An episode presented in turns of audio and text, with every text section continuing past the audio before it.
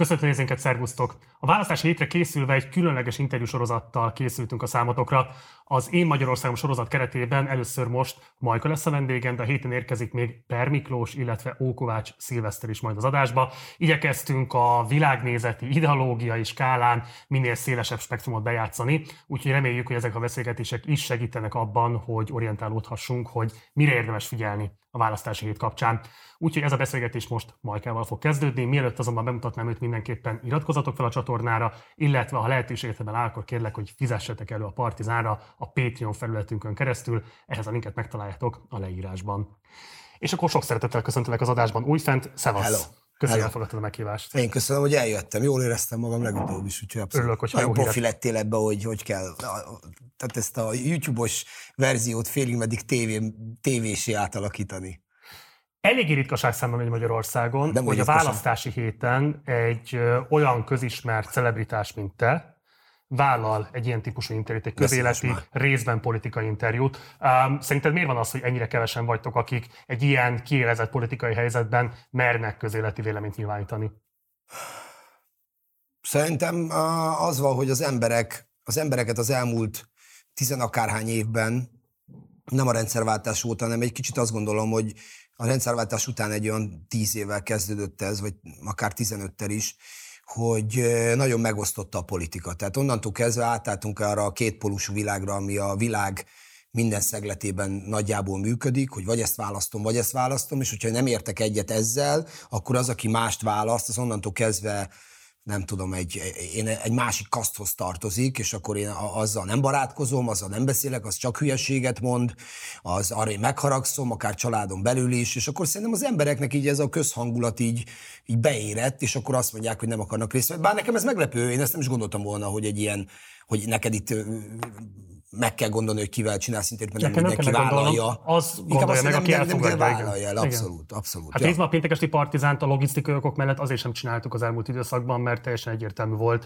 hogy mindenki a választások után szeretne jönni. De miért? Ezt nem tudom, ezért kérdezlek téged. Na de várj, ha most a téged hívnak egy ilyen műsorba... Nekem azért akkor... más a státuszom. Oké, okay, de ha nem ez lenne a státuszod, mert azért téged is hívhatnak. Nekem is az a státuszom, amit te csinálsz, már úgy értem, hogy mondjuk Igen. műsorvezető vagyok, de attól még elmegyek, mint Majoros Péter valahova. Tehát, hogyha te téged elhívnának, akkor mondjuk milyen ellenérzésed lenne? Nekem semmilyen, de hát, vagy én nem, én Más nem, a pozícióm. Nem, ezt akarom kérdezni, hogy akkor nem, lehet, nem, ez nem a pozíció, van gondolva? Persze, ez nem a pozíció miatt van. Azért nincsen ellenérzésed ezzel kapcsolatban, mert van egy véleményed a világról, ami, amit el akarsz mondani, függetlenül attól, hogy az valakinek tetszik, vagy nem tetszik, és, és szerintem, ez a, szerintem ez a normális. Hogy én ezt kiközvetítem azt, ami én vagyok, elmondom, amit én gondolok, és hogyha az tetszik, nem tetszik, én nem gondolom, hogy azért megharagszik valaki. Sőt, szerintem azért kéne megharagudni, hogyha nem mondom el. Vagy én, vagy én arra gondolok, hogy majd olyat mondok, hogy neki tetszen, vagy neki ne tetszen. Szerintem ez lenne szerintem igazából a... Választás időszakon kívül is volt olyan abszolút kvázi ilyen politikai szélcsend időszakában, ha jelentős celebritás, aki konkrétan aznap mondta vissza az interjút. Ilyen okok miatt? Jó, én meg mindig azt mondom, hogy én azért nem mondok vissza ilyet soha, meg azért merek mindenhova elmenni, mert hogy az én életemben nincs semmi olyan takargatni való, ami miatt szégyel nem kéne magam. Tehát Jó, de akkor azt kirögzíthetjük azt, hogy ez igazából egy túlzó félelme a, nem tudom én, sztárvilágnak? Nem csak aztán mindenkinek. Aki erre gondol, hogy itt szerintem, szerintem ez, ez abszolút. Ez egy... Tehát merjenek politikai véleményt vállalni. Hát persze, hogy ne, sőt merjenek, és nem, merjenek elfogadni politikai véleményt. Tehát merjenek elfogadni kritikát, merjenek elfogadni politikai véleményt, merjenek elfogadni mindent, ami a másik oldalról jön, és nem egyezik az ő véleményükkel, mert abból szerintem építkezni lehet. Mind Jó, akkor azért ide muszáj odaszúrnom, hogy amikor az évelején voltál egy ilyen bívben a Puzsé Robertről nyilvánosságban, hogy az nem arról szólt alapvetően, hogy neked sérelmes volt a Puzsér véleménye, kritikája veled szemben? Az más, ha egy kritika kifejezetten tudod, hogy a személyed ellen irányul és rossz indulatú, akkor azt nem kell elfogadni. Tehát akkor azt egyszerűen csak vagy vissza kell szólni, vagy nem tudom, le kell kezelni, vagy nem tudom, tehát hogy érted? De nem kell antipátiát, hogyha az előadó művész kritizálja a kritikust? Hát nekem erről egy markáns véleményem van a maga a kritikusi műfajról is, mert szerintem olyan, hogy kritika az nem létezik, az csak egy személyes vélemény. Tehát ha egy objektív kritikát fogalmaz meg valaki, akkor az, az semmi gond nincs szerintem, de objektív, objektív kritika nincs, mert valami személyes érzelmet mindig bele fogsz vinni. Oké. Okay. Tegnapi híre, hogy Pereszki Zoltánnak lett egy fellépése egy Vasmegyei kis településen, ami hát nem várt fordulatot hozott, mert hogy kiderült a számára, hogy miközben őt fölépni hívták, ez valójában egy kampányrendezvény, és ő elég indulatosan fogadta értető okokból ezt a igen, helyzetet, és közölte és a közönség, hogy kizárólag azért lép föl, mert tiszteli azokat, akik eljöttek ide, de ugyanakkor mélyen megveti nem csak azt, hogy őt egy ilyen helyzetbe hozták, hanem azt a konkrét politikust, aki ilyen helyzetbe hozta őt. Te mit gondolsz erről a helyzetről? Keveredtél már hasonló helyzetbe például? A, voltunk, nekünk benne van egyébként a szerződésünkben egy nagyon markáns pont az. Az is benne volt. Igen, de mi ezzel száz százalékig tartjuk magunkat. Tehát én nem lépek fel, az biztos hogyha ilyen helyzetbe kerülök. Tehát nem mész ki a közönség elé? Ne, kimegyek a közönség, és elmondom, hogy ez nem úgy volt, ahogy volt, és elnézést kérünk, és kész, uh-huh. talán. Hogyha meg tudom oldani ezt ott technikailag. Hogyha nem, akkor mondjuk van egy markáns táborom az interneten, és akkor velük közlöm, vagy ott, ott fejtem ki a véleményem. Nem lépek fel. Azért, mert mert, mert egyszerűen az a pofátlanság csúcsa, hogyha mondjuk benne van egy szerződésben, amit nem tartanak meg, eleve ez egy, számomra ez egy azonnal olyan pont, nem csak ez a része, bármi olyan a szerződésnek, amit nem tartanak meg, az eleve már egy, egy olyan tiszteletlenség az előadó felé, amit szerintem már nekünk nem fontos nagyon eltűrni. A másik meg az, hogy mi is voltunk már ilyen helyzetben, ahol mögöttünk megjelentek mindenféle molinók, meg, meg ez még régebben volt, amikor még a színpad disztelt nem védő egy vizuál alakította, hanem maga régi jó szocialista berendezkedés, valami bordó függöny felakasztva egy csodálatos izével, fali festménnyel. De, és akkor azt le is szedett, szedettük, tehát hogy akkor az, azt nem, nem hagyjuk ott ez abszolút. Sajnálom az hogy ilyen helyzetbe, helyzetbe keveredik. Oda kell jobban figyelni, amikor, amikor leérnek. Mondjuk velem az azért nem fordult elő, hála jó Istennek, mert nekünk van egy stábunk, aki ugye már leutazik a koncertre négy-öt órával azelőtt, mielőtt mi odaérünk, hogy berendezze a színpadot, meg megcsinálja. Tehát, hogyha ott nekem a turné menedzser, a király Ádám azt látja, hogy valami nem stimmel, a szerződésben valami olyan van, akkor ő eleve szól nekünk, hogy gyere is gyertek. Mert hm. itt valami nem stimmel. Tehát ebből a szempontból ez jó. Nyilván ezt egy, ezt egy mondjuk egy ha egy kisebb koncertre mész, hogy nem csak egy nagy koncertekre mész, hanem kisebb koncertre is elmész, ott mi is belefutatunk egy ilyenbe, hogyha ha, ha ilyen van. Tehát ez nem tudsz mit csinálni. Ilyenkor viszont én azt gondolom, hogy karakának kell lenni, és azt mondani, hogy elnézést, de nem.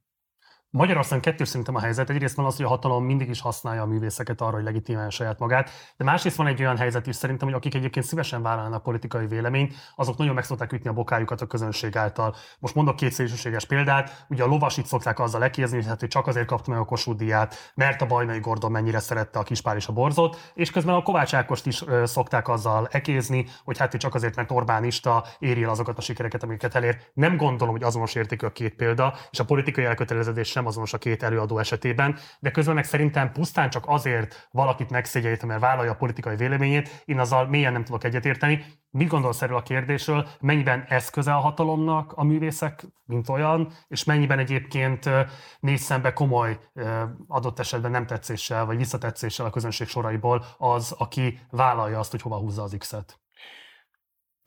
Hát ez, ez mindig nagyon nehéz kérdés, mert Mármint Magyarországon, nehéz kérdés. Ez külföldön ez teljesen divat, hogy a Barack Obama mellett ott tapsol a Jay-Z, és hogy nem tudom, a, a, a republikánusoknál, most mond, nem tudom, a Ross Stewart, vagy, tehát hogy érted, tehát szerintem ott egyáltalán nem Más is ott tapsolt azért.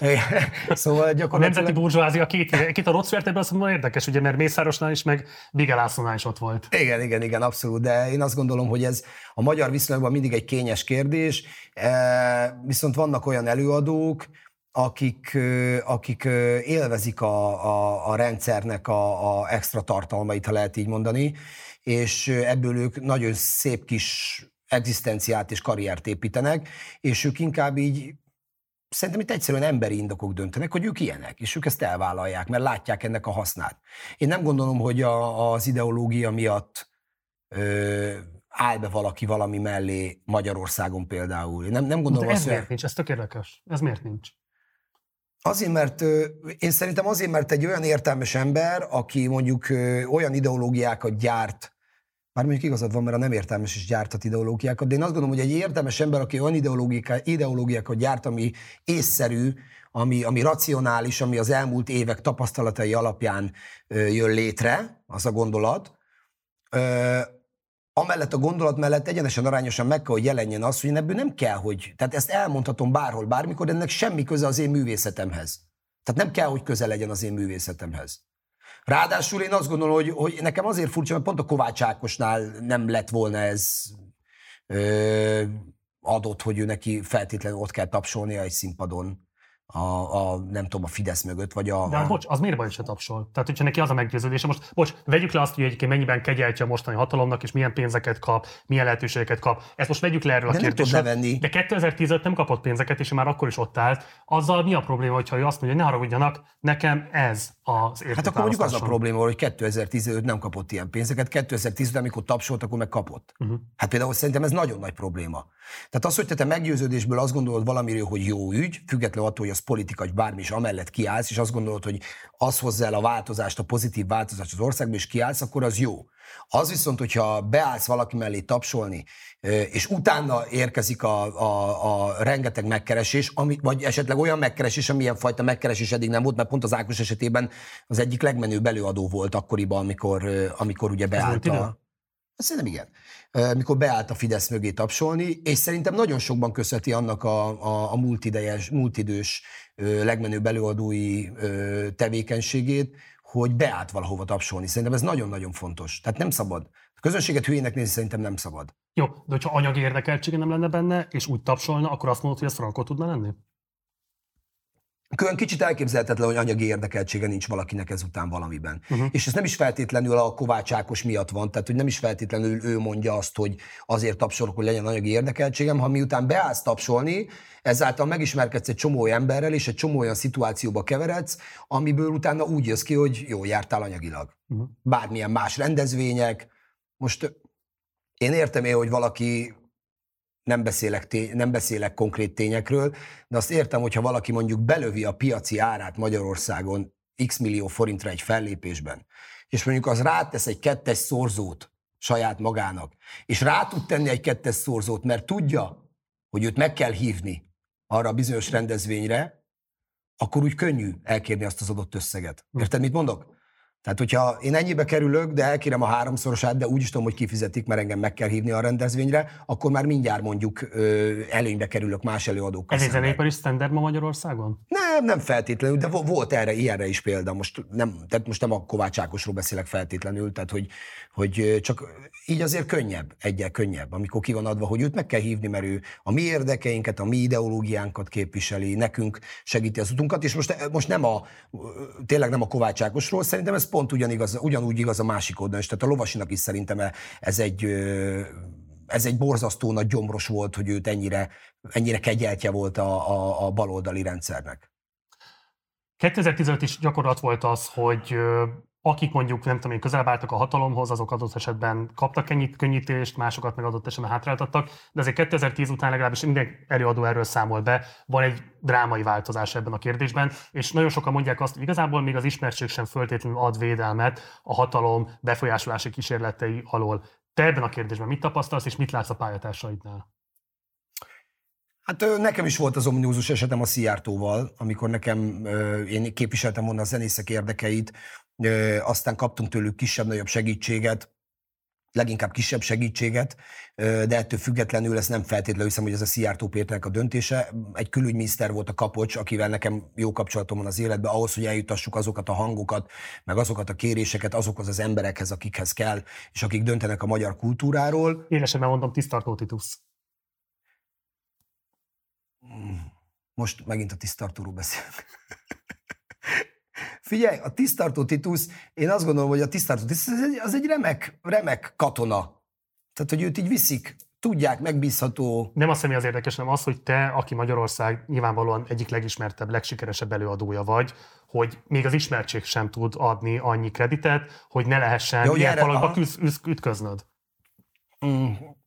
Én nem, nem, nem, nem tudom, nekem az a, az, a, az, a, az a legfélőbb ebben az egészben, hogy itt valaki dönt arról egy szemében, hogy akkor ez ne legyen. Érted? És ez, Tényleg dönt, vagy csak igazodni próbál valamilyen vélt elváráshoz? de úgyis, ez pont, a tisztartó Titus esetében, meg az én esetemben, ez pont a tisztartó Titus, semmi más. Uh-huh. És ez nekem azért furcsa, hogy valakinek van egy ilyen döntési joga. Ez olyan, mint az amerikai határnál, amikor ott áll a határól, és eldönteti, hogy te bemész vagy nem. És az utolsó pillanatban hiába van rendben minden veled, ő azt mondhatja egy szemébe, hogy tessék jobbra menni, nem jöhet be az országba. Tehát szerintem ez egy, ez egy nagyon félelmetes dolog, hogy valaki azt mondhatja, hogy már pedig nem. Tehát nincs egy, nincs egy szabály, nincs egy, egy etikai kódex, nincs egy olyan írott, íratlan dolog, amivel ezt felül lehetne bírálni. Még úgy sem, hogy elmondom itt, te elmondod ott, beszélünk róla, és aztán így hátra és azt mondják, és, és nem.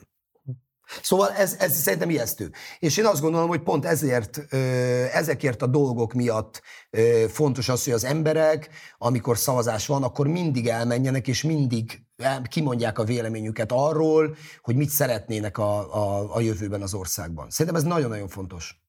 Amikor csináltuk veled az interjút, és itt voltál legutóbb, akkor úgy nyilatkoztál, hogy te baloldali embernek vallod saját magadat. Szerinted... Baloldali gondolkodású baloldali gondolkodású. Nem, én baloldalinak nem vallanám most magam semmiféleképpen, egy baloldali gondolkodású okay. embernek valami.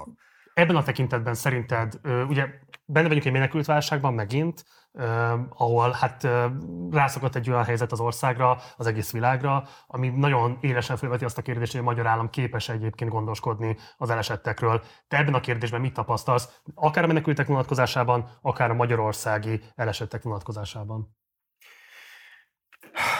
Hát az én Magyarországomban, ha lehet így mondani, akkor mindig, mindig, mindig meleg szívvel és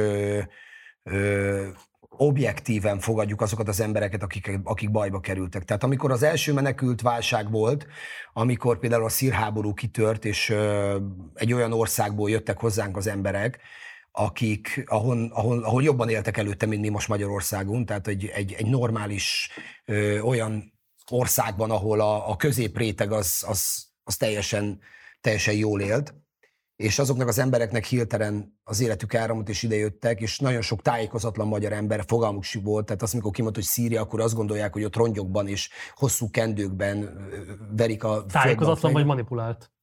Tájékozatlan, az tájékozatlanság, szerintem ez semmi más. Tehát amikor azt gondolod, hogy Szíria, akkor te azt látod, hogy ott kecskék vannak egy csomó embernek, azt látod, hogy hegyek, nulla civilizáció, imádkoznak Allahhoz, reggel naplementénél, napfelkelténél, és akkor nem látod át, nem tudsz róla semmit, nem tudsz róla, hogy mi volt abban az országban, és az most idejött, és most az ő azt akarja, és egyébként a 24-ben is benne volt, hogy az ott bombát robbantott, és a Jack Bauer mentette meg a világot, és most ezt fogja így csinálni. Szóval én azt gondolom, hogy az első menekült válságnál is azokat az embereket, akiket félre lehetett tájékoztatni akkor úgy, mint ahogy most félre tájékoztatják az ukrán helyzetből a orosz propagandával, azok az emberek, azoknak az embereknek a félre tájékoztatására fordított összeget, azt a kampányt, amit azért hoztak létre, hogy, hogy az emberekben ez egy gyűlöletet keltsen. Ha azt a pénzt arra használják, hogy megfelelően próbálnak utána, utána járni és kiszűrni azokat az embereket, akik tényleg nem valók ebben a menekült áradatban a európai civilizációba, akkor szerintem sokkal több eredményt lehetett volna elérni, és most teszem hozzá nagyon fontos, hogy abszolút azt gondolom, hogy a Orbán Viktornak az a politikája, amit a menekült áradattal hozott, attól függetlenül, hogy ez így megtörtént. Én örülök, hogy nem történik az Magyarországon, mint például München utcáin, vagy Bécsben időnként, amiket én látok. És nem azt, amit a baloldali média súlykol a tévébe, vagy amit a jobboldali média súlykol a tévébe, hanem amit emberi tapasztalatként, amikor külföldre megyek és látok. Én nagyon örülök, hogy Budapesten nem történik az. És mondjuk a lehet, hogy ahhoz ez a markáns retorika, amit alkalmazott a Fidesz, ez ez kellett, mert ezt észérvekkel és beszélgetéssel nem lehetett volna megoldani, de én mégis azt gondolom, hogy, hogy, hogy ez mindig az első próbálkozás az az kell, hogy legyen, hogy valamilyen úton, módon európai módon oldjuk meg, ha már Európában élünk. Oké, okay, de értem, amit mondasz, azért emellett más is csinált például a hatalom, konkrétan ugye dezinformált és olyan manipulált képekkel hergelte az embereket, amelyek nem ott készültek, nem támadásokat és nem olyan típusú kitettségeket mutattak be, hát illetve ami talán a legsúlyosabb, hogy a tranzitzónában konkrétan megtagadta nagyon sok embernek a legalapvetőbb informálódását, étkezését, lakhatását. Mi, ez, nem, ez figyelj, ez, ez szerintem nem, nem, ez nem úgy van, hogy ott azt, azt Ezzel is tudsz azonosulni, vagy ezt, ezt is szükséges Na, politikai nem, nem, pont, pont, azt mondom, hogy ezt nem. Tehát, hogy pont azt mondom, hogy ezt nem, de ez nem úgy van szerintem, hogy ott ül egy nagy székben az Orbán Viktor, és ő egy személyben eldönti. Én ilyet nem mondtam. Hanem azt, hogy szépen lassan, mire eljut oda alulra, ahol éppen van a tranzitzóna, addig a 28 ezredik ember, aki átment ez az információ, ő máshogy fogja alkalmazni a gyakorlatban, mint ahogy azt egyébként kéne, mert tele van olyan információval, ami nem igaz, egy csomó olyan impulzussal, amit egyébként... Ez világos csak azért, hogy valaki meghozta azt a politikai döntést, hogy ott éheztessenek embereket. Ebben én nem, figyelj, én nem nem voltam ott, nem láttam, hogy ott mi történik konkrétan. Minden más, amit én nem látok, az számomra semmi más a jelenlegi politikai helyzetben, csak az az, hogy ez generálja, vagy azt ez az oldal generálja. Tehát erre nem lehet, erre nem tudok nyilatkozni. Jó, a mostani orosz agresszióról mit gondolsz? Hát ez, ez egy mocskos ügy, mármint a orosz részről teljesen. Tehát, hogy én azt gondolom, hogy ez egy az, hogy, hogy az orosz, az, hogy létezhet 2022-ben egy olyan ország, aminek, aminek a lakói egyébként egy viszonylagos jólétben élnek, már úgy értem, hogy a nagyobb városokban, de hogy, hogy ennyire le lehet őket választani a külvilágról, mint Észak-Koreát, és olyan információkkal ellátni őket, ami ez ijesztő. Ez nekem nagyon ijesztő, hogy manapság, amikor azt mondod, mert semmi nem maradt titokban, mert itt egy pik, egy fotó, ott egy videó, feltöltöm a netre, satara, satara, akkor gyakorlatilag hogy tudja megoldani ezt a, az orosz rezsim, hogy, hogy az emberek Oroszországban még azt gondolják mindig, hogy a Putyin az, az, az a legnagyobb vezető, amit ő csinál, az egy, az egy nem is tudom, egy, egy, egy, egy felszabadító háború, vagy egy... Háborús bűnös szerinted? Abszolút. Nem is kérdés. Nekem háborús bűnös volt már háború nélkül is a Putyin. Abban az, egy olyan országban, ahogy ő a hatalmát fenntartja, és hozzáteszem egyébként szerintem egy orosz birodalmat, aminek szerintem azt se tudod, hogy hol van a vége. Ugye Václav Havel mondta ezt nagyon jó, hogy az országnak a legnagyobb probléma, hogy azt se tudja, hogy hol vannak a határai. De hogy egy olyan birodalmat, ami, ami a világ legnagyobb országaként üzemel, és nem tudod, hogy hol van a vége, ott szerintem demokráciát fenntartani rohadt nehéz lehet. Az viszont, hogy erre hivatkozva olyan emberiség elleni tetteket követnek el Oroszországban az elmúlt 18 vagy mióta van Putyi hatalmon, már 20 éve, nem is tudom pontosan. 99 hát óta, igen. Igen, tehát gyakorlatilag az elmúlt két évtizedben arra hivatkozva, hogy, hogy ez, egy, ez, egy, ez egy nagy birodalom, és itt rendet kell tenni, ez szerintem felháborító. Újságírókat folytanak meg hasonlószor újságírók, mint te. És képzeld el, hogy olyan országban élnék, hogyha nem tetszik valakinek valami, akkor téged megtalálnának egy erdőben megfojtva, mert azt mondtad róla, hogy nem tudom. Vagy vagy egyszerűen csak az, hogy külföldön, vagy akár Oroszországban is bemernek vetni idegmérgeket, mérgeket, amivel használnak arra, hogy embereket elnémítsanak, megöljenek más ország területén. Ráadásul nem is izéről beszélünk, Tajikisztán déli részén, ahol nem tudom, négy kecskepásztorral együtt, hanem Londontól 80 kilométerre. Tehát, hogy számomra ez elképesztő, hogy ezt megmeri engedni magának Oroszország. És aztán mulatva a tévébe azt mondja, hogy eh, ezek nem mi voltunk. Szerinted az elmúlt 12 év ilyen kvázi orosz barát politikája jelente bármilyen nehézséget Magyarország számára jelenleg? Szerintem azért Orbán Viktorra azt mondani, hogy, hogy gondolja meg az orosz barát politikáját, és hogy ezért őt ostorozni, vagy a Fidesz kormány, szerintem az, az, az, az nettó fasság. Tehát mi gyakorlatilag itt vagyunk egy köpésre attól az országtól, aki, ami létünknek, jó létünknek egy alap, alapköve. Ahhoz, hogy úgy éljük az életünket, ahogy kell rengeteg rengeteg dolgot kapunk, olyan dolgot az oroszoktól, most neked nem menjünk bele pontosan, hogy miben, mert nagyon-nagyon sokat, ami kell a mindennapi életünkhöz. Egy ilyen országgal rosszban lenni nem jó. Az viszont nyilván egy visszás dolog, hogy annak idején, amikor mi a NATO-hoz csatlakoztunk, és ugye leváltottuk a, a, a idézőjelben a kommunizmust, és hoztunk helyette egy rendszerváltás helyett egy gangsterváltást, innentől kezdve gyakorlatilag ki gondolta volna, hogy eltelik 30 év, és azt gondoljuk megint a világról, hogy, hogy hogy megint kelet felé fogunk nyitni. De akkor bocs, ez a politika realitás? Mert ugye azt nyilatkoztat, hogy Putyin te ezelőtt is már háborús bűnösnek tartottad. Észszerűség. És akkor azt mondod, hogy ebből a szempontból ezt be kell nyelni, hogy itt akár ilyen súlyosan erkölcsileg kikezdhető álláspontot is tartania kell egy magyar kormánynak? Szerintem ez semmi más, csak észszerűség. Abban biztos vagyok, hogy hol van ennek a határa? Bocs, tehát azért mondjuk, ami Mariupolban zajlódik hmm. jelenleg, Én tudom. Az, az, az, az, az, tényleg minden szempontból elképzelhetetlen volt, hogy Európában ilyesmi lesz. Egyébként történtek más részén az országnak, vagy a világnak, persze, Szíria, persze. Jemen, lehetne még azért persze sorolni más típusú háborús konfliktusokat is, de az, hogy ez itt néhány száz kilométerre tőlünk zajlik, ez vérfagyasztó. Ebben az értelemben szerinted kielégítő az, hogy a magyar állam jelenleg viselkedik? Szerintem a magyar állam ebben az esetben így csapdossa a térdét, hogy mit csináljon. Uh-huh. Tehát, hogy szerintem én kurvára nem irigylem őket most. Hogy hova kéne, és ki, ki mikor, vagy ki mellé mikor kéne állni, és mit kéne mondani. Szerintem, ha most ezt mondjuk, akkor hosszú távon annak lehet olyan következménye, hogy ha most azt mondjuk, akkor szerintem egyszerűen ezt csak tudomásul kell venni, hogy mi, mi sok, sokban függünk az orosz, orosz nép, vagy az orosz ö, kormánytól, vagy országtól, inkább ezt mondom a kormánytól, de jelenleg én azt gondolom, hogy az orosz kormány az egy ilyen kikezdhetetlen kor. Ha valaki kikezdhetetlen a világon, akkor az az orosz kormány. Ezt el sem tudom képzelni, hogy ott vala hatalomváltás lesz. Békésen vagy erőszakos módon sem? Hát azt el tudom képzelni, hogy valamelyik, valamelyik oligarha, aki, aki már rendelkezett nagyobb vagyonnal, Milyen demokratikus a... úton, tehát népfelkelés, vagy bármi ilyesmi. Adjál már. Hát Választások útján aztán még kevésbé. Tehát hogy? Hát ez szerintem teljesen lehetetlen. Uh-huh. Az biztos, hogy nem. Azt szerintem száz Itt az lehet, hogy azt mondják, hogy hát a Putyin bácsi most rosszul van, ő már most nem tud szerepelni, és akkor valaki jön helyette.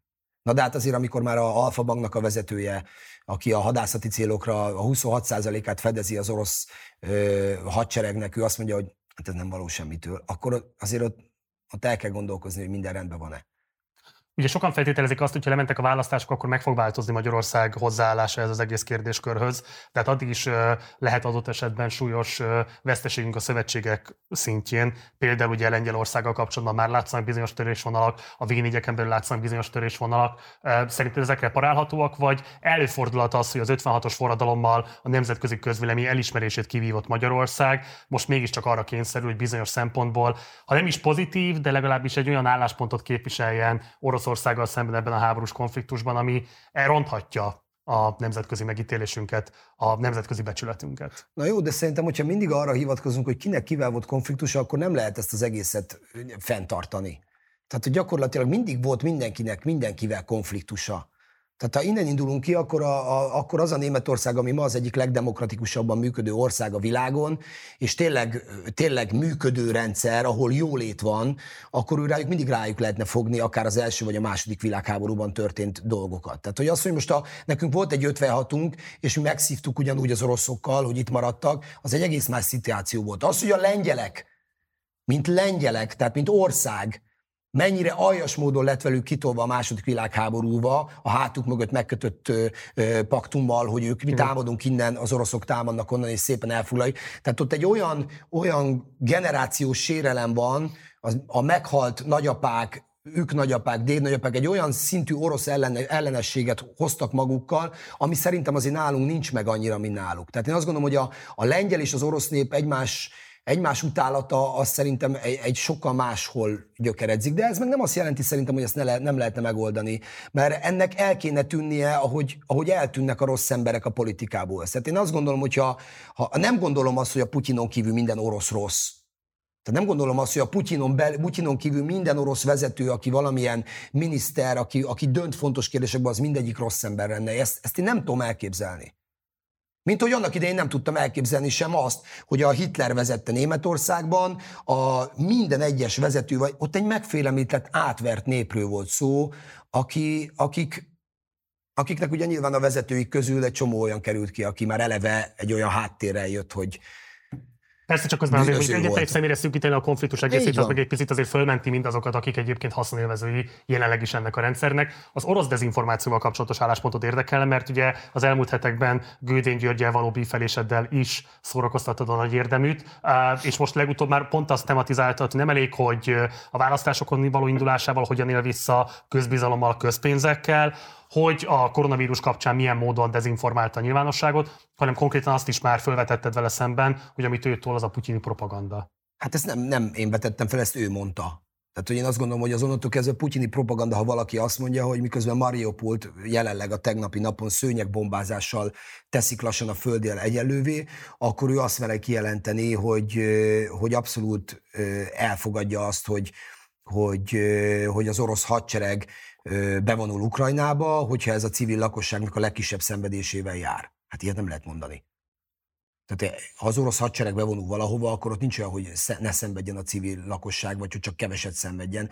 Vagy kik azok? Aki, tehát honnan nézzük ezt? Hány embertől számít a civil lakosság szenvedése? Hány meghalt ember kell ahhoz, hogy azt mondjuk, hogy most már nagyon szenvednek a civilek? Mennyi van most? 3200, akkor még nem szenvednek, majd 3400-tól már szenvedhetnek. Tehát ha valaki emellett kiáll, és valaki, aki értelmesen gondolkozik, amit a Gödénytől abszolút nem várok el, az gyakorlatilag az elítéli azt a helyzetet. Tehát én azt gondolom, hogy háborúval eleve, eleve nem értem ezt. Nem értem, bazd meg. Nem értem, hogy ki gondolja azt, hogy háborúval meg lehet oldani Európában 2022-ben valami problémát. Tehát ki az, aki ezt gondolja? És ráadásul én, én ahogy láttam az elmúlt öt évben, vagy 2015 óta, amióta zajlik a, a Krímfélszigete, Donetsk és Luhansk zajlik ez az egész konfliktus, azóta én azt látom, hogy még Putyin se gondolta azt, hogy annak kell következnie, ami most van. Tehát még ő egyszerűen belesodródott ebbe az egészbe, eszkalálódott ott a helyzet, és nem, nem tud kifarolni. azzal, hogy azt mondod, hogy belesodródott azért ennek az esemény sorozatnak. Nem mentem fel, mert attól csak ő volt a kezdeményezője. Nem, engem az nem érdekel, hogy valaki azt mondja a bíróságon, hogy én nem tehetek róla, belesodrom, de tehetsz róla, mert mindig lett volna másik megoldás. Csak én azt gondolom, hogy a gyakorlatát nézzük ennek a dolognak, dolognak, akkor előbb-utóbb születik egy esemény egy ilyen helyen, ami miatt kialakulhat egy nagy fegyveres konfliktus, egy eltévedt golyó, egy felrobbant bomba, tehát ez mind ha nem vagyok ott, és nem, nem fújom a parazsat, akkor nem fog meggyulladni ez a tűz. Ugye Gödény György azért egy partikuláris figurjára a magyar nyilvánosságnak, hogyha négy évenként a választásokon mindig elő is kerül, de arról mit gondolsz, hogy amit ő mond, az ma majd, nem szóról szóra ugyanígy elhangzik a közmédiumokban? Nem tudom, a közmédiában, a közmédia ö, szerepvállalása, ö, vagy tájékoztatása az, az engem abszolút nem érdekel. Tehát, hogy én az a, a honfitársaink százezerei abból tájékoznak feltétlenül. Szerintem a honfitársaink százezerei tájékozhatnak belőle. Ha valaki, ha valaki onnan tájékozódik, akkor én azt nem akarom meggyőzni arról, hogy az máshogy van. Ha valaki csak, csak onnan tájékozódik, én inkább ezt mondom bocs, én tényleg nem egresszíroztatni akarod, de hogyha a küldényel kapcsolatban azt gondolod, hogy ez egy problémás tevékenység, akkor a sokkal nagyobb elérésű közmédia esetében miért nem gondolod ezt problémásnak? Ne, nem ezt mondtam, hogy nem gondolom problémásnak, nagyon problémásnak tartom. Azzal nem akarok törődni, hogy azokat az embereket, akik onnan tájékozódnak, azokat meggyőzzem a másik igazáról, vagy az én igazamról. Az, hogy az így működik, de az egy óriási probléma. Nagyon-nagyon nagy probléma. Tehát olyan szintű baromságokat állítani időnként, mint amit a közmédia tud, az, az félelmetes. És ráadásul, hogy egyszerre nyomják azt a fajta információ áramlatot mind, mindenhol ugyanaz jelenik meg, ugyanazokkal a címekkel. Ugye, tehát ez egy ilyen, tényleg egy ilyen, egy ilyen zárójeles. De ugyanakkor én abszolút azt gondolom, hogy a 444 is tud nagyon elfogult lenni. Csak azt nem adóforintokból fizetjük. Ez így van. Ez már, ez már egy egész másik kérdés.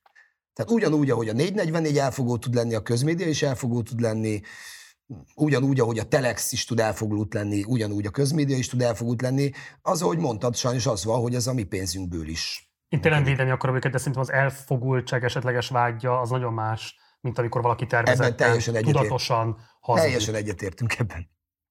Szerintem mi kellene ahhoz, hogy Magyarországon legyen mondjuk egy olyan közmédia, ami nem én nem hiszek az objektivitásban olyan értelemben, hogy mindentől azonos távolságra hát is nincs. tovább. Az Ez nincs.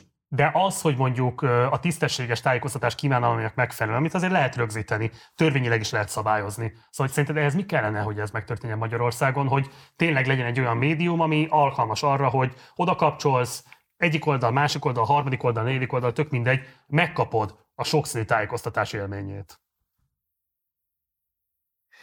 Hát ezt nem tudom, hogy ezt, e, e, ezt lehet-e valahogy szabályozni. Tehát erre, ez, ez csak azt lehet, hogy valamelyik olyan objektív kormány, amelyik, amelyik valójában tényleg abban gondolkodik, hogy a, a, a magyar a magyar nép, a magyar gazdaság, a magyar demokrácia, a szabadság az jelent valamit, létrehozzon egy olyan szervezetet, akár a közmédián belül is, aki felügyeli ennek a tisztességét. És azt mondja, hogy lehet, hogy én négy év múlva nem leszek, de te legyél. És azt nem, nem az én strómanom, vagy emberem, vagy jobbkezem lesz, akit én kinevezek, hanem egy olyan független, tettekkel bizonyított ember, aki az elmúlt, mit tudom én, 30-40 év tapasztalatát hozza a közéletből. Azért ilyen van Magyarországon egy pár, szerintem. Akit oda lehetne ültetni, és azt mondani, hogy tessék, majd te elmondod. Akkor úgy mondd el, ahogy van, de honnan szedi azt az információt? Az meg egy másik kérdés, hogy amit elmondasz Igen. információ, az honnan jön. Mert az sem biztos, hogy mindig olyan forrásból jön, amit el kell mondani. Mire a 12. szerkesztőn átmegy, már belekerül annyi fajta objektivitás, Persze. hogy nagyon nehéz. A koronavírus te is megtapasztaltad, kórházba is kerültél, ugye többen nagyon dicsérték azt a videósorozatot, amit a kórházból És többen nem. Én inkább a dicséretek voltak szerintem döntő többségem, bár mondjuk az még pont az a hulláma volt, amikor talán kevésbé volt kifáradva a társadalom, lehet, hogy csak később kerül erre sor, akkor sokkal többeket irritál. De a lényeg az, hogy nyilván egy olyan kórházban voltál, ahol tudtál is fizetni az esetleges plusz szolgáltatásokért, jelezted is a posztod, amit erről készítettél, hogy remélhető, hogy mindenki megkapja ezt a típusú szolgáltatást Magyarországon. Feltétlenül sajnos ez nincs így. Szerinted mi kellene egy új kormánynak, hogy legyen a legfontosabb prioritása az egészségügy vonatkozásában? Hát az biztos, hogy azt rendbe kell szedni az egészségügyet, bár mondom, az én tapasztalatom az egészségügyen nem annyira ö, katasztrofális, mint azt egy-két állítják, és sajnos ez, ez, ez azért annak is betudható, hogy rengeteg ismerősöm van, akit fel tudok hívni telefonon, és időnként az étteremben is nagyobb adakkaját kapok, amikor, ha bemegyek és szimpatizál velem a szakács vagy a tulaj, és ezt nem tudom levetközni magam, magamról akkor sem, ha Persze. mondjuk valami problémám van, és elmegyek a, a, a kórházba, vagy bárhova, és galát gyarró ember módjára ezt nyilván olyankor igénybe is veszem. Bocsát, hogy nem ültem hat órát a múltkor, amikor a fiamnak eltört a lába a ügyeleten, hanem be tudtam jutni hamarabb, mert volt három telefonszámom, hogy bemenjek, mert ordított a gyerek. Tehát, hogy ilyenkor, ha inkább azt dobáljon meg kővel, aki ennek a hasznát nem élvezné, ez az egyik. A másik, a kérdésedre válaszolva, hogy mit tennék rendbe, az biztos, hogy a munkaerőt legelőször. Ez fontos kérdés, ugye a kormánynak az egyik pozitív intézkedése nyilván az volt, amikor az orvosi béreket elkezdte rendezni végre, mert nagyon ráfért már erre a szénára. Ugyanakkor például az egészségügyi szakdolgozó személyzet vonatkozásában ezt sajnos nem tette meg. Ez például fontosnak tartanád, hogy ilyen típusú bérfeszültség ne legyen az egészségügyben? Hát abszolút igen, mert addig, amíg az orvosnak, ugye az orvosoknak nyilván, akik valójában orvosok, és akik valójában orvosok, és nem Gödény Györgye gondolok. Tehát azok az orvosok, akik hosszú időn keresztül tanulják azt, mire elérik azt, hogy, hogy, hogy gyógyíthatnak téged papírral, azok az orvosok nyilván többet kell, hogy keressenek, mint azok az emberek, akik ápolnak. Ez, ez tény és való. Csak addig még az orvosoknak van alapból egy több fizetésük, addig egy csomó kiegészítő fizetésük van, ami az ápolóknak azért nem feltétlenül sem a hát munkaidejük hát, miatt, sőt, igen. sem a munkaidejük miatt, sem a képzettségük miatt, semmi más miatt. Tehát én azt gondolom, hogy ezekre az emberekre er, e, ezekre sokkal nagyobb figyelmet kéne fordítani. Akik valójában azt a munkát végzik, ami, ami, ami az operatív része a dolognak, vagy a gyakorlati része a dolognak, pont a, pont a gyakorlati része a dolognak, és hogy, hogy aki valójában a szart kilapátolja az ember alól, hogyha kell. Csak hát hogy várod el, hogy nem tudom, ez olyan, mint hogyha azt mondanád, hogy a munkásnak, aki kint ássa a vezetéknek a gödröt, annak többet kell keresnie, mint a főnöknek, aki a egész megbízást adja. A világ az nem így működik sajnos. Ez viszont én azt gondolom, hogy egy olyan rendszerben abszolút fel lehetne állítani, ami, ami teljes reformokkal járna Magyarországon. Én hiszek az amerikai rendszerben, pluszban. Abban is hiszek, hogy kell egy alap. Ö, olyasfajta egészségügy, ami szolgáltatást nyújt akkor, ha vészhelyzet van, viszont hiszek abban, hogyha valaki több adót fizet be, akkor annak más szolgáltatás járjon. És függjön a munkától. Ez oké, okay, ez ember van, csak ugye pont az amerikai helyzet az nem, azt jelenti, nincs hogy ott, Magyarországon ez, szerintem ez nincs hogy ott is, ott is hatalmas várólisták vannak például pont azért, mert embereknek egyébként konkrétan egy életre eladósodnak azért, hogy például életmentő beavatkozásokat meg tudjanak finanszírozni. Tehát az a kérdés, hogy szerintem... De erre van beárazva, azt tudod ez az egész. Tehát azt tudod, hogy azért van erre beárazva. Tehát azért, mert ott egy műtét, amikor annyi, annyiba kerül egy műtét, azért van rátéve a szortízes számla, valószínű, hogy azt a biztosító fogja fizetni hát 10-ből 9 esetben. Amikor annak az egy embernek kell kifizetni, amiről te beszélsz, és amit látunk a hírekben, abban az egy esetben, abban az egy esetben sajnos igen, ő issza meg a levét annak, hogy nem a biztosító fizető, nem saját maga. Egyébként annak mi értelme van Magyarországon? Most mondd meg őszintén, hogy én fizetem az adómat, fizetem az egészségügyet, fizetem a társadalombiztosításomat, és soha az életben nem megyek el, csak ha valami bajom van magánorvoshoz, ahova szintén fizetek még, de bocs, na, hát ez a fontos kérdés. Hát, tehát, hogy aki meg tudja fizetni, az nyilvánvalóan kimenekíti magát az állami rendszerből. De akkor én miért fizetem a másikat? Akkor hát én azt tudom, a szolidaritási fizetem. közösség miatt, ez így a kérdés. Na, így ugye van. ezt a típusú szolidaritást, tehát hogy ugye De az akkor... a probléma, hogy azért nem érzékelhető szerintem igazából, hogy mekkora probléma van az egészségügyben, mert a tehetősebb réteg, és egyébként most már nem csak a tehetősebb réteg, azt mutatják a kutatások, hogy a középosztály is erőn felül vállal terheket azért, hogy elmenjen a magárendszerbe. Emiatt viszont soha nem lesz ott a nyomás a politikán, hogy változtasson ezen. A politikának kéne elsőként lépnie, vagy pedig kellene egy olyan polgári öntudat, hogy, kicsi, hogy kiküzdjük magunknak a megfelelő egészségügyi rendszert. Így van. Ez pontosan a politikának kéne segíteni ahhoz, hogy a polgári öntudat valahogy változzon. És az sajnos nem egy-két év. De olyan polgári öntudattal nem tudsz mit kezdeni, aki azok után, mikor én ezt megkérdezem, hogy álljon már meg a menet, ha én fizetem ezt is, de közben ezt nem használom, mert igénybe veszem a magán részét ennek a dolognak, oda plusz fizetek. És én azért fizetem ezt, hogy annak az embernek, aki nem tudja fizetni, annak is legyen egy alapellátása, akkor miért halagszik rám a világ azért, hogyha én, amikor kérek valamilyen ellátást, akkor jobbat kérek annál, mint amit az, az kap, aki egyébként nem tesz bele semmit, mert az övét is én fizetem. Hát ez egy, hogyha ha valaki így gondolkozik, azt nem tudod meggyőzni arról, amit te mondtál. Nem, világos, csak azt mondom, hogy ugye nem az van, hogy van egy alapszint, ami egyébként mindenkinek az egészségügyi kívánalmait kielégíti, és akkor te ehhez képest szeretnéd azt, nem tudom én, saját szobád legyen, nem tudom, a, a, a, az étkezésen nem tudom, sokkal több zöldséget kap, vagy gyümölcsöt, hanem az a helyzet, hogy a normál szolgáltatásért is ma milliókat kell fizetni adott esetben műtéti De akkor mondd nekem azt, légy szíves, hogy szerinted, én tényleg kíváncsi a véleményedre, hogy miért van az, hogy most nem a 12 évet nézzük, amióta Fidesz hatalmon van, hanem már előtte Persze. a szocialisták, és előtte a Fidesz, és még előtte a szocialisták, tehát most már visszamentünk 10-20 évre, 22 évre, vagy nem is tudom mennyire mentünk vissza, 24-re, hogy miért nem reformálták meg az egészségügyet soha? Miért volt fontos? Rá, rá, rá lett nevelve a magyar társadalom arra, hogy ebben az önzés elvét eltagadva, de mégis az önzés elve mentén érvényesítse az akaratát, és hogyha biztosítják azt, hogy ha megfizeted, kapsz valamilyen szintű egészségügyi ellátást, és ott meg fogod kapni nem 6 óra alatt, hanem 30 perc alatt a kisfiadnak a szükséges beavatkozást, akkor inkább elő fogod teremteni akármilyen eladósodottságba verve is magadat. Csak az a probléma, hogy azért milliók vannak, akik még eladósodni sem tudnak azért, hogy kapjanak egy tömést, kapjanak egy nem tudom milyen beavatkozást, ami megmenti az életüket. És egyébként azt nem gondolod, hogy hogy azok az emberek, akik milliók vannak, ezzel azért vitatkoznék, de azok az emberek, akik semmit nem tudnak előteremteni maguknak, azoknak először az életük azt a részét kéne rendbe tenni, hogy megdolgozzanak azért, hogy rendbe tudják tenni maguknak. De szerintem az egészségügy az nem üzlet. De az egészségügy a világ legnagyobb üzlete. Az, de nem volna szabad, hogy az legyen. Hát az már egy másik kérdés. De akkor hol nem volna szabad? Az, hogy a kórházban a, az emergency nem a legnagyobb üzlet, az, a, az egészségügy az oké. Okay. De hát az emergency-hez tartozik egy másik nagy szféra, a gyógyszer, de most gondolj bele, a... te rátod, tehát, hogy elvárhatjuk ezt egy orvost, hogy egy betegnek, akinek egyébként életmentő beavatkozásra van szüksége, és nem azonnal, nem tudom, valamilyen beavatkozásra, műtétre, és mondja azt, hogy ne haragudjon, majd ha kifizette az árát, akkor Nem, ezt nem várhatjuk el, de a gyógyulás folyamatában, ha már rajta keres az egészségügy, akkor az már szerintem, még az is a piszkos része a dolognak, de akkor az elfogadható? Ja, szerintem profitot realizálni az egészségügyben nem, nem elfogadható. Na de hát hogy nem profitálsz? Hogy, hogy nem csinálsz profitot az egészségügyben? Hát azért vannak ilyen rendszerek a világon, de ezt nem most fogjuk megvitatni. Tanársztrájk. Mit gondolsz arról, hogy a tanárok most nagyon nekidurálták magukat, és nagyon sokan álltak melléjük? Volt ugye egy nagy hatású tüntetés is, fiatal emberek mentek ki a Kossuth térre, azt követően, hogy a tanároknak legyenek jobbak a fizetése. Ez szerintem egészen rendkívül ilyen szempontból, hogy egy ilyen szolidaritási gesztussal lépnek föl.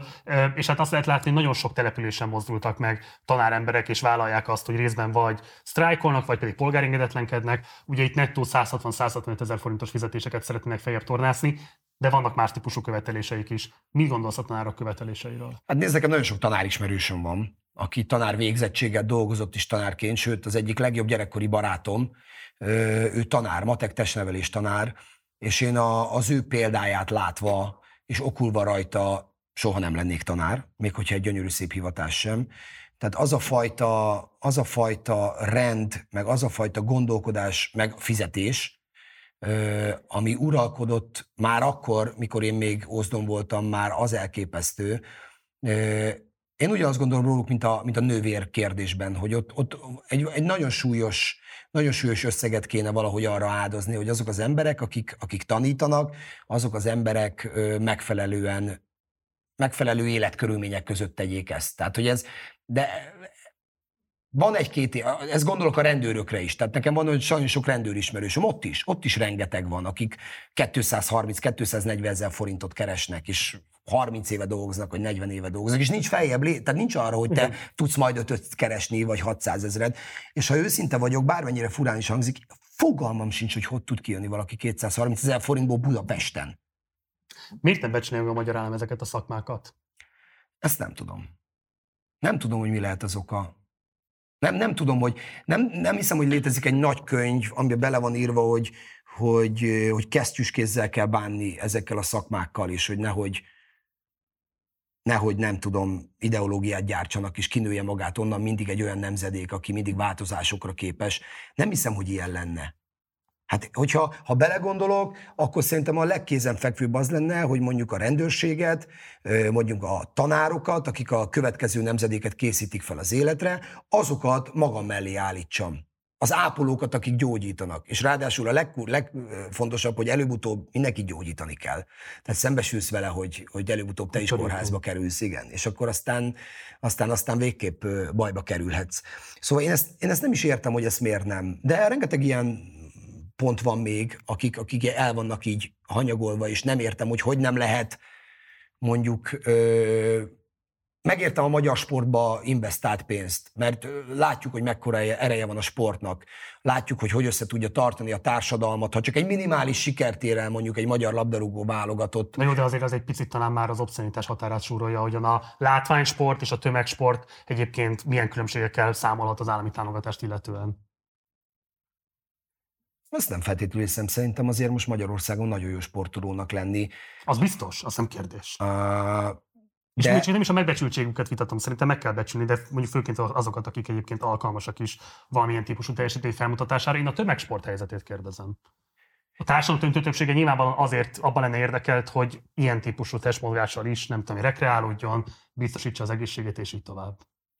Hát, hogy ez hogy lehet meghozni a kedvet egy olyan országban, ahol, ahol hogyha valaki elmondja az igazat, mondjuk is Snowbert Norbi, vagy zárójelbe teszi csak nyilván a Schubert Normek is jó lenne úgy elmondani időnként az igazat, hogy az szimpatikus legyen, még ha igaz is, és megkövezik, és meggyalázzák, és tehát hogy ebben nem tudok. Azért, mint hogy ebben neki is lenne egy picike bűnrészessége. de az biztos, az nem mondtam, hogy nem, de az biztos, hogyha a Schubert Norbi mindegy, mit mond, őt azonnal kövezni akarják, még ha igazat, akkor is. Mit gondolsz, a tanárok sikert arathatnak ebben az országban a követeléseikkel? Fontosnak tartanád, hogy sikeres legyen a sztrájk? Hát ugye nagyon sok minden függ a kétharmattól, tehát hogy attól, hogy lesz-e megint a Fidesznek akkora lehetősége. Én szerintem az nem kérdés, hogy kinyeri a választásokat. Ezt azért hagyjuk meg április harmadika izgalmára. Jó, én azt gondolom, hogy a Fidesznek, hogyha ha megint kétharmada lesz, az szerintem alapvető probléma inkább, hogyha megint ö, úgy formálja Magyarország alkotmányát, ahogy ő akarja, és nincs semmiféle kontroll vagy fék ebben, ezt, ezt azt nagyon nem szeretném ezt százszerzelék ki tudom jelenteni. Hogy a tanárok mit tudnak ezzel elérni, az a baj, hogy szerintem ezek a kérések meg előbb-utóbb visszaáll az életrendje. Tehát most jön a tanársztrájk, és aztán, hogyha nem történik ebben egy radikális lépés a tanárok részéről, akkor gyakorlatilag tudod így az van, hogy mint amit a Gyurcsány mondott, hogy tüntetnek, majd ha hideg lesz, akkor hazamennek előbb-utóbb elkezd, és hát meg kivéve, hogyha a társadalom döntő többsége melléjük el, ezért fontos kérdés, hogy te például támogatod a tanárok követeléseit? Abszolút, de én mit érnek vele, hogy én támogatom őket? Gyakorlatban hogy fog ez történni? Azt mondd meg nekem. Ha most minden tanár, aki elkezdte a tanársztrájkot, azt mondja, hogy már pedig én nem megyek be dolgozni holnap, és nem holnap nem megyek be, hanem addig nem megyek be dolgozni, amíg nem születik erre valamilyen megoldás, akkor azt mondom, hogy az oké. Okay. De aztán otthon ülnek, és azt mondják, hogy és a gyereknek akkor hogy lesz? Mert nekem is van gyerekem, tanár vagyok. Annak hogy adok enni? Hogy nem megyek be holnap. És akkor előbb-utóbb elkezdődik egy közösségen belül, hogy figyelj, mi a Ilonkával csak bemegyünk. Akkor Ilonkával bemegy már Laci bácsi is, Laci bácsinak már szól a tesi tanárnak, ő is bemegy, és lassan azt veszed észre, hogy eltelt három-négy hónap, és mindenki visszaszivárgott az életbe, és a legfontosabb dolog jön, ami a legszebb az internet, amikor ott áll a részek csávó a kapuba, és mondja, hogy Mind kéne itt változtatni? Ó, oh, rengeteg minden volna. És mi lenne a legfontosabb? Jó van ez így. Ennyi. És megint belesimul mindenki abba. Én vagyok az az ember, aki ezt például nem tudnám csinálni. Tehát én, aki eldöntöttem, ha én tanár lennék, és egy ilyen helyzetben azt mondanám, hogy oké, okay, menjetek a büdös, beállok, és én nem megyek addig munkába, amíg nem változtatok ezen. De jó, bocs, de ha a tanárok ezt meglépnék, akkor te ebben támogatólag Abszolút, abszolút. Nem csak a tanároknál, nagyon sok embernél az ápolóknál, a rendőröknél. Minden olyan helyen, aminek, amíg, amíg, akik párás szemmel nézik időnként azt, hogy, hogy, hogy mennyi pénzt lehet keresni más szakmákkal média szakemberként. De akkor azt mondta, hogy merjenek ellenállni, Tanácsadóként merjenek adott esetben föllépni, mert hogy nagyobb a szolidaritás az irányukba, mint amit feltételezhetnek? Szerintem sokkal. Tehát, hogyha szerintem valamelyik, valamelyik részleg, valamelyik ö, olyan, olyan ö, szegmens drasztikus lépésre szánná el magát, akkor szerintem meglepődnének, hogy milyen, milyen, milyen kitartás van, vagy milyen összetartás van a magyar társadalomban. Nem csak akkor, amikor a sportélet mozdul meg, hanem akkor is, amikor tényleg tenni kell valaki valami, valami mellett, vagy valaki mellett.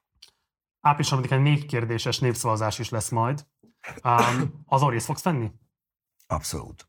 Elmondod, hogy mit gondolsz erről a kérdésről? Most nem konkrétan, hogy milyen típusú, nem tudom, választ fogsz beixelni, de például szerinted a nem heteroszexuális emberek jelentenek megkülönböztetett veszélyt a gyerekekre Magyarországon? Szerintem jelenthetnek veszélyt, milyen de semmi, semmi a, semmi a, bocsánat, nem a, bocsánat, rosszul, rosszul válaszolok, tehát a nem heteroszexuális emberek nem jelenthetnek veszélyt. Van egy olyan szegmense, aki jelenthet veszélyt, viszont a kommunikációja annak az ügynek, ami ez, az, az semmi más, csak egy fos ideológia súlykolása az egyszerű embernek azért, hogy akkor abban a pillanatban majd jó helyre húzza be az X-et. Tehát a pedofilok gyűlölöm azok a, nem részei Gyűlölöm este a reklámot, mikor a kislány kijön az iskolából, és azt mondja, hogy kérdezi anyukája, hogy mi volt ma. És itt volt egy bácsi, aki azt mondta, hogy én akár fiú is lehetek, és majd eldöntetem később. És az anyukája egy nagyon megáldott színészi tehetséggel így csinál. Hú, és átöleli, és magászorítja. Undorítónak tartom ezt a fajta hozzáállást. Tehát ezt, ezt pont ugyanúgy, mint ahogy a, annak idején a menekültválságnál a kommunikációban, ezt én ettől én hányok. Ettől függetlenül viszont azt mondom, hogy a Fidesz mesteri abba, hogy hogy kell elkapni egy mondatot, akár hogyha az elmúlt másfél hónapját nézzük az ellenzéknek is, az első egy hónapját, amióta zajlik a háború, és Márki Zaj időnként érdekes dolgokat is mond, kiragadni egy mondatot, és azt úgy elkezdeni súlykolni az egyszerű ember fejébe, aki a általad említett közmédiából tájékozódik, hogy utána, amikor dönteni kell, akkor jó helyre húzza be az X-et. Nekik jó helyre húzza be az X-et, abszolút. Viszont ettől függetlenül azt gondolom, hogy, hogy hogy a, hete, a nem heteroszexuális emberek, tehát én, de ne viccelj, hát rengeteggel dolgozom együtt, televízióban, produkciókban. Tehát, hogy ez... De akkor az kijelenthető, hogy a pedofília az nem egy szexuális orientáció, tehát a pedofilok és a nem heteroszexuális emberek az két teljesen külön kategória. Abszolút, és viszont az, abban is biztos vagyok, hogy, hogy a, a, a Fidesz ab, abban, abban jól dönt, hogy nem bízza különböző szakemberekre azt, hogy döntsön a gyerek arról, hogy ő mi szeretne lenni, tehát nem ad neki útmutatást, hanem azt mondja, hogy ez a családon belül legyen része, tehát 18 év alatt ő azt mondja, hogy nem, nem hajlandó ebbe részt venni, hogy valaki más mutasson irányt a gyereknek. De és hogy mutatott már ki Magyarország most de én, de én azt értem, hogy nem mutatott, én azt értem, hogy nem mutatott, de ne is mutasson. És ebben abszolút egyetértek a fidesz Jó, csak érted, ezt egy gyermekvédelmi népszavazásnak nevezik, miközben a gyermekvédelem katasztrofális állapotban van. Nem az a legnagyobb veszély a magyar gyerekekre, hogy valaki bemegy az iskolába és bármilyen szexuális felvilágosítást tart, már csak azért sem, mert ez engedélyköteles, regisztrációköteles, és így tovább hosszá lehetne sorolni. Abszolút. De én azt gondolom, hogy van egy cél, itt valahol itt van a cél, és az az út, ami oda vezet, ott nagyon sok minden meg van engedve az adott játékosoknak, hogy elérjék azt a célt, amit el akarnak élni. És ez semmi más, csak a játék része. Aki ezen nem lát túl, aki ezt nem tudja másik oldalról szemlélni, az a közmédiából, és De bocs, egy ha valaki visszaél egy másik embertársa tájékozatlanságával, azért az nem csak a tájékozatlan emberről Marci, nem engem kell erről meggyőznöd. Jó. Minden eszköz megengedett, hogyha adott esetben egy politikai célt valaki el akar érni? Hát manapság igen, azt látom sajnos. Uh-huh. Ebben, a, ebben, a, ebben az országban, és azt kell, hogy mondjam, hogy a mai, mai aktuál politikában igen. Tehát, hogy abszolút, én abszolút ö, ö, azt látom a jövőben, hogy, hogy tényleg minden egyes dolog, tehát a, a, a szexuális beállítottságtól kezdve a szexuális szokásokig, a, a tehát minden, minden egyes olyan dolog, amiről eddig azt gondoltuk, hogy azért tabu, mert mindenkinek van valamilyen uh-huh. olyan kis zárójeles dolog az életében, amit elő lehetne venni, azért ezek kívül maradnak, és inkább megpróbál mindig objektíven, vagy a szakmaiság alapján dönteni arról, hogy ki jöjjön az, aki, aki dönt majd a mi sorsunkról. De ez megszűnt. Ha te írhatnál ki egy népszavazási kérdést a gyermekvédelem vonatkozásában, mi lenne az a kérdés, ami szerinted a legfontosabb ma a magyar gyermekek védelme szempontjából? Hú, ez egy nagyon jó kérdés. Hát ez, e, erre nem készültem, hogy ilyet kérdezel. Ezt fogalmam sincs, nem akarok hülyeséget mondani. Én szerintem a legfontosabb egy gyereknek az, hogy egy, szerintem, hogy valahogy egy olyan, olyan közegben nőjenek fel, próbáljanak felnőni, ahol, ahol a legkevésbé kell ilyen kérdésekkel szembesülniük. Gyereknek kell lenniük. Ez, ez egy fontos, fontos dolog van. Következetesnek kell lenni a gyerekekkel, és nagyon-nagyon-nagyon-nagyon szeretni őket. És akkor, amikor felnő, akkor valószínűleg olyan ember lesz, hogy amikor döntenie kell, akkor mindig olyan, olyan irányba fog dönteni, ahogy azt egy embernek dönt, döntenie kell. Tehát mindig azt tartja szem előtt, hogy mi a jó ügy. Április 4-én is föl fog kelni nyilvánvalóan, és lesz egy következő kormány az országnak.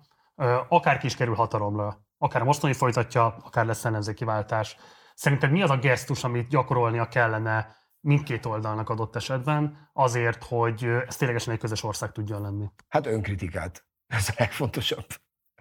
Önkritikát. Bár ez nehéz egy győzelem után. Tehát, hogy szerintem azt gondolom, hogy a Fidesz az elmúlt másfél évben ö, olyan dolgokat tett, amivel a közvéleménynek a, a haragját kiválthatták nagyon sok esetben. Mire gondolsz? Na, egy csomó olyan ügy.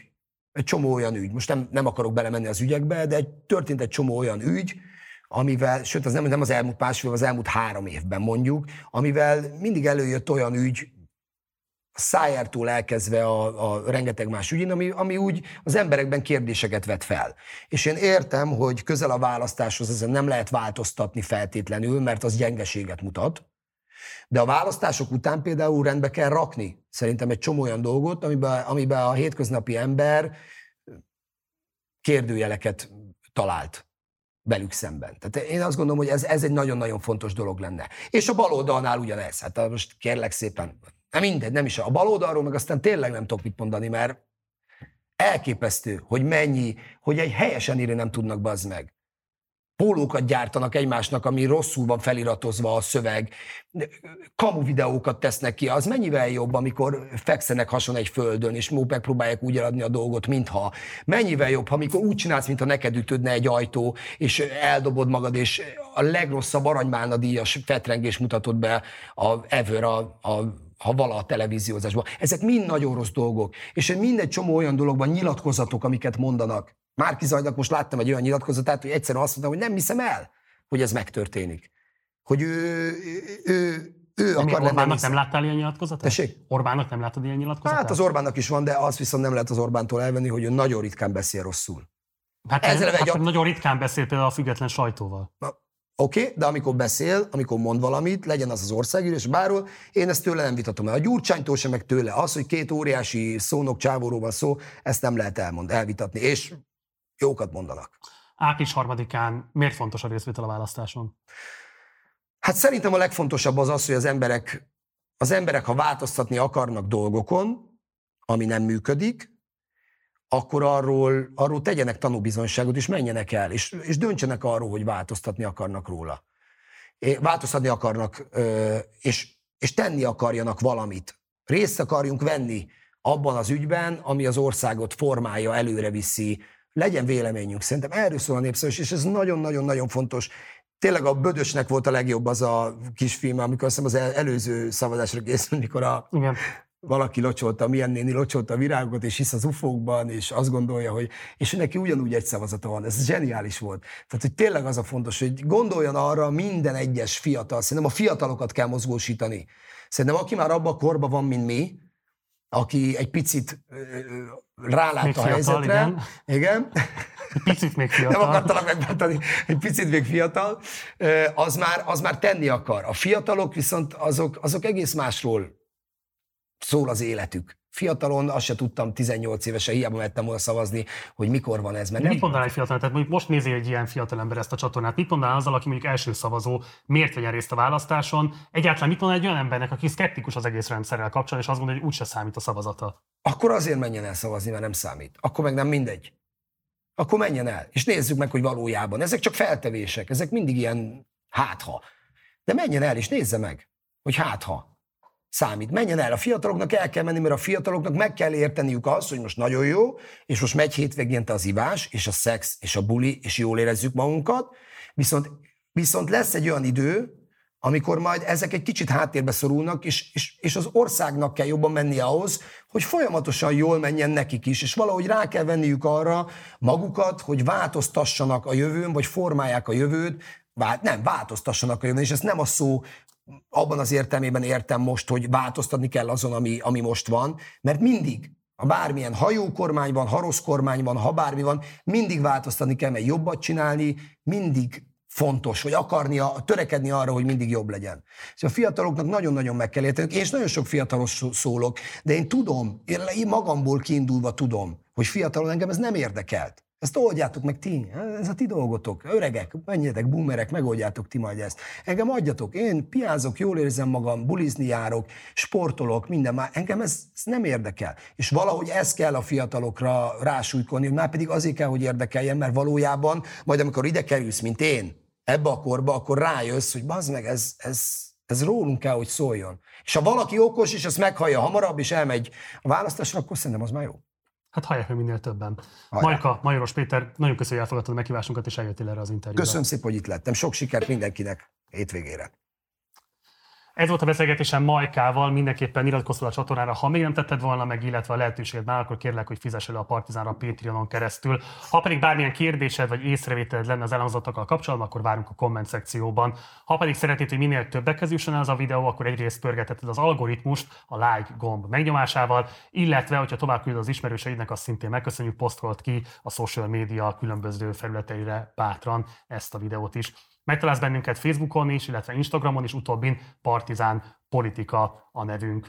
Ezen a héten minden reggel 8 és 10 között agipopadásokkal, este 6 órától pedig ilyen és ehhez hasonló beszélgetésekkel várunk majd. Április 3-án pedig délután 5 órától indul majd a közös választási műsorunk a 24.hu-val, tehát vasárnap 5 órától kattints a Partizánra, és utána sehol máshol ne kattints, mert ott fogunk jelentkezni a legfrissebb, legizgalmasabb információkkal és rengeteg meghívott vendéggel. Munkatársaim nevében. Köszönöm szépen a megtisztelő figyelmed, én Gulyás Márton voltam Budapestről, ciao.